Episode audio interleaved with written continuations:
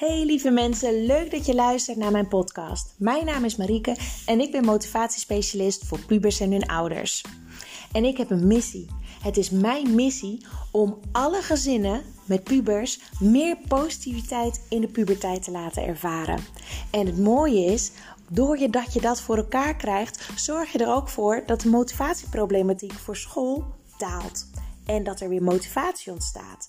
Want ik weet zeker dat het onnodig afstromen van niveau, dubleren en zakken voor het eindexamen onnodig is als je de motivatieproblematiek op tijd signaleert en aanpakt. Want een motivatieprobleem is een gevolg, geen oorzaak.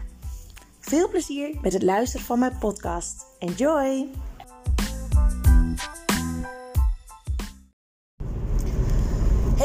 Leuk dat je weer luistert naar een nieuwe aflevering van mijn podcast. En deze podcast wil ik jullie even meenemen in een verhaal um, over coaching, biografische coaching die ik heb gehad van een vriendin van mij. Zij is een oud collegaatje en uh, zij heeft de opleiding gedaan tot biografisch coach. En wat je je daarbij voor moet stellen is dus dat zij uh, ja, eigenlijk door middel van schrijven. Um, word je gecoacht. En dat gaat dan over vier verschillende dimensies. Um, op sociaal vlak, op fysiek vlak, psychisch vlak en spiritueel vlak. En elk gesprek gaat dan over één dimensie. En dan aan het einde heb je nog een overkoepelend uh, gesprek, een topgesprek. En om te kijken van ja, waar hebben we het allemaal over gehad? En wat haal je daaruit en hoe gaat het er nu mee? Nou, en zij, uh, toen ze die opleiding deed, uh, was ik eigenlijk een proefpersoon voor haar om mee te oefenen. Om, dat gesprek, uh, om die gesprekken te kunnen doen. Nou, superleuk uh, en heel waardevol ook. En vandaag had ik dan dus het laatste gesprek, het topgesprek. En ehm, ja, gingen we even weer terugkijken waar we het allemaal over hebben gehad. En er zat best wel een lange tijd tussen onze gesprekken. Gewoon door omstandigheden is dat zo gegaan. Dat was verder helemaal geen probleem voor ons allebei. Maar dat, dat liep gewoon zo. Ik zal jullie een klein stukje hierin meenemen, omdat het voor mij wel weer heel erg veel inzicht heeft gebracht, ook in het werk wat ik doe. En nou ja, wie weet vind jij dat ook interessant en haal je er zelf ook wel weer wat dingen uit. En we zijn eigenlijk begonnen met het stuk fysiek. En het fysieke stuk gaat heel erg over um, ja, uh, concrete dingen. Dus hoe woonde je vroeger? Hoe zag je kamer eruit? Uh, wat deed je vroeger? Wat vond je belangrijk? En is daar, zijn er ook overeenkomsten met nu? Met hoe je nu woont en leeft? En dat was bij mij wel heel interessant. En gedeeltelijk wist, wist, ik dat ook wel. Maar vroeger woonden wij in een woonboerderijtje aan het water. In de natuur. We hadden een hele grote tuin rondom ons huis. En we keken uit over weilanden in een dorpje in het noorden van Groningen, Westeremde heet dat. Met 500 inwoners, dus een heel klein schattig dorpje. En ja, thuis hadden we binnen uh, veel houten meubels. was heel ruim. We hadden meerdere kamers, uh, beneden en boven. En als je kijkt hoe ik nu woon, ik woon ook nu weer aan het water. Uh, naast mijn huis is een, ja, soort grasveldje. Het is geen weiland, maar het is wel een ruimte, een grasveldje. Uh, we wonen een stuk kleiner. Maar we hebben wel ook houtelementen weer terug in het huis. En natuur is altijd heel belangrijk voor me geweest. En als je kijkt naar onze inrichting en ons behang en de kleuren in ons huis, heeft dat ook allemaal wel weer heel veel met de natuur te maken. En zo hebben we uh, ja, behang van bamboe. Dus uh, echt met relief. En we hebben veel groen in ons huis. Um, we wonen dus weer aan het water. Hebben een mooi uitzicht daarover. Dus dat is wel heel bijzonder. En dat schijnt dus ook invloed op elkaar te hebben. Hè? Dat, hoe je vroeger thuis woonde. Uh, of vroeger thuis woonde. Hoe je vroeger woonde. En nu je thuis is.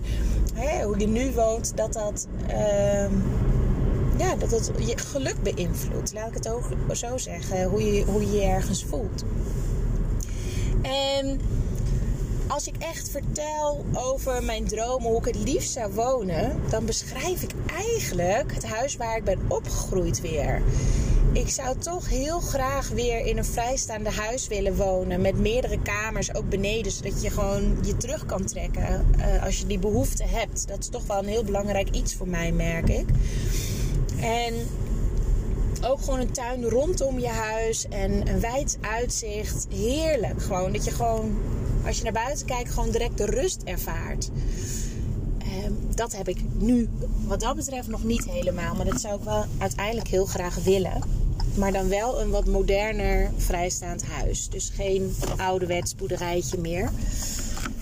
Um, nou, dan ga je ook naar het, uh, het sociale gedeelte heb je het over. Nou ja, daar heb ik altijd een beetje een soort van...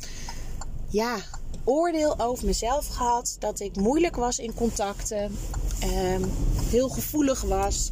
Uh, snel uit contact ging als, als er ja, als dingen moeilijk werden of als mensen mij wellicht zouden kunnen kwetsen of iets dergelijks.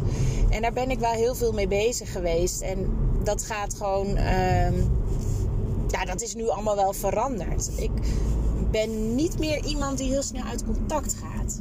En uit contact gaan bedoel ik eigenlijk dat je dus uh, ja, soort boos wordt of zo harder reageert, wat feller wordt, uh, mensen raakt om zelf maar niet geraakt te worden. Dat heb ik wel een hele tijd gehad. En dat was eigenlijk een, een overlevingsmechanisme voor mezelf. Uh, ja, om maar niet gekwetst te worden. Voor mij hoef ik hoef ook niet met heel veel mensen om me heen continu te zijn. Ik ben wel iemand die het fijn vindt om ja, op zichzelf te zijn. En ik hoef niet hele massa's mensen op bezoek of zelf bij mensen op bezoek uh, veel. Hè? Af en toe met een vriendin afspreken vind ik gezellig, maar het hoeft bij mij allemaal niet zo druk en veel. Ik ben, ik ben iemand die graag op zichzelf is en ook momenten nodig heeft om zich terug te trekken. En daar ging het heel erg op het sociale stuk over. En dan hadden we nog een psychische stuk. Dat ging heel erg over uh, hoe maak je keuzes. Doe je dat door te voelen, door te denken. Uh, hoe doe je dat?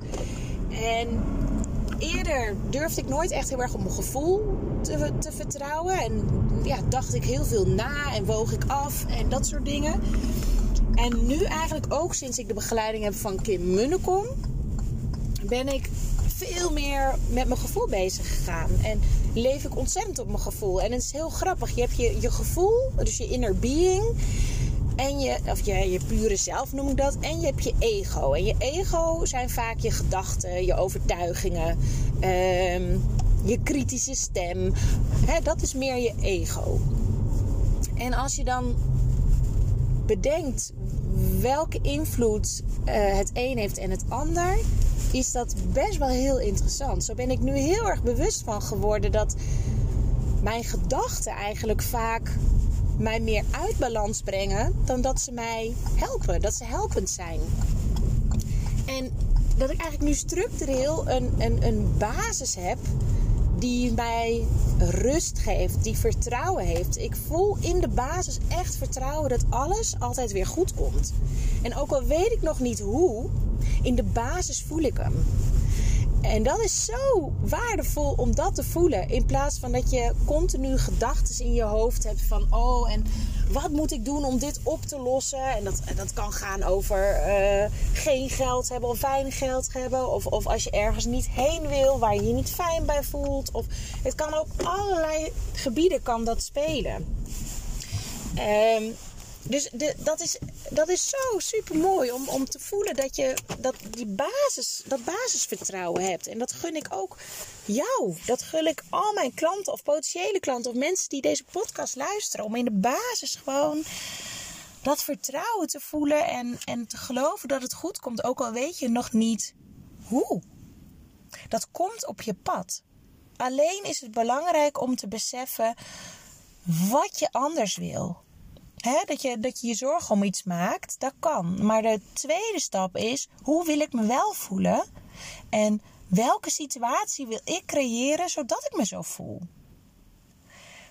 En misschien uh, even met een voorbeeld. Stel dat je nu heel moeizaam contact hebt met, met, met je zoon of je dochter of, of allebei. En je weet niet hoe je het moet oplossen, hoe je ermee om moet gaan. Bedenk dan niet vooral van hoe het nu allemaal is en hoe vreselijk en, en, en hoe erg je ermee worstelt. Maar denk vooral na over hoe je het wel wil. Welke situatie wil jij wel? Hoe wil je dat het contact tussen jou en je kinderen is? Visualiseer dat. Schrijf het op. Tot in detail. Hoe wil jij met je kinderen omgaan? Hoe wil jij dat zij met jou omgaan? Hoe vaak wil je elkaar zien? Hoe wil je dat het contact is? Wil je dat er veel meer rust is? Dat je elkaar gaat begrijpen? Dat er weer normaal met elkaar wordt gepraat in plaats van wordt geschreeuwd? En bedenk hoe je het wil. Los van hoe je het moet bereiken, kan bereiken, maar puur hoe je het wil.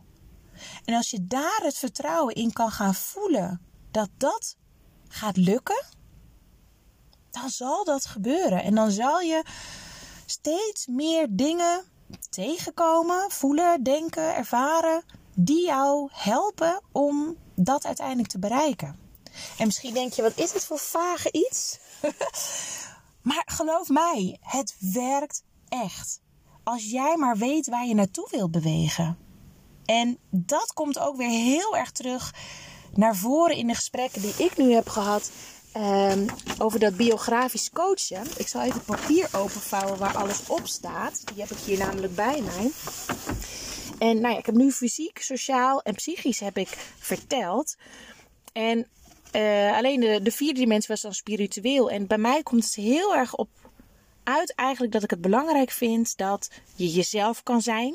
Dat je doet wat voor jou goed voelt. En het belangrijkste is dat je er bent. Dat je beschikbaar bent. Um, in plaats van hoe je eruit ziet.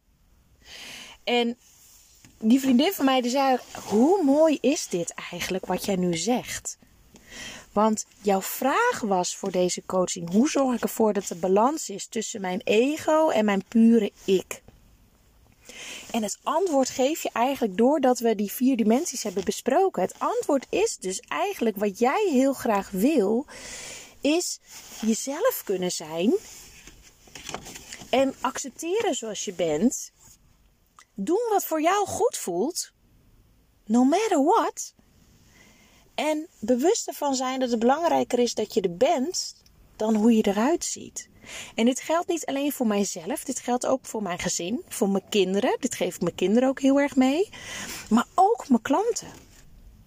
Zij zei ook: Jij vindt het heel belangrijk in jouw werk altijd dat jij um, alle pubers die ergens mee worstelen, dat je ze ziet. Dat ze ook het gevoel hebben dat ze begrepen worden.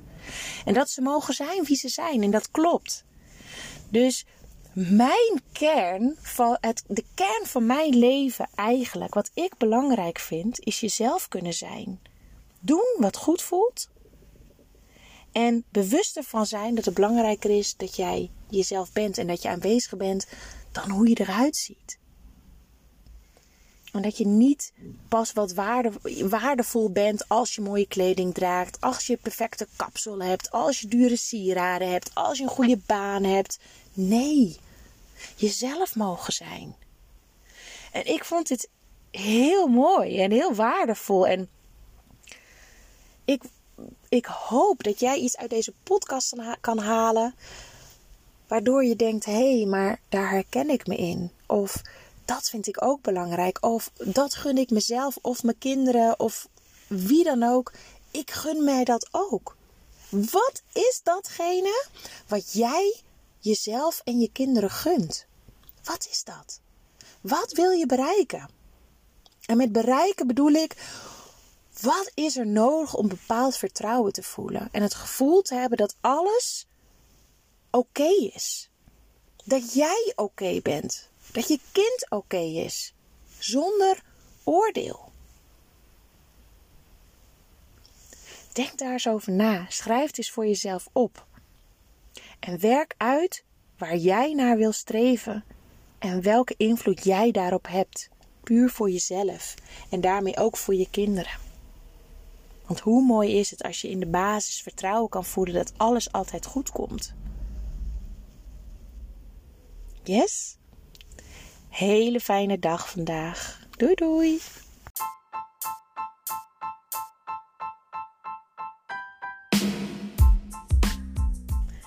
Dit was weer de aflevering van deze podcast.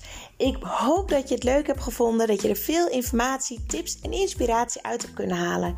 Ik ben ontzettend benieuwd wat jij van deze podcast vond en wat je eruit hebt gehaald. Want ik neem ze op, maar ik wil heel graag weten hoe het is voor jou als luisteraar om dit allemaal te horen.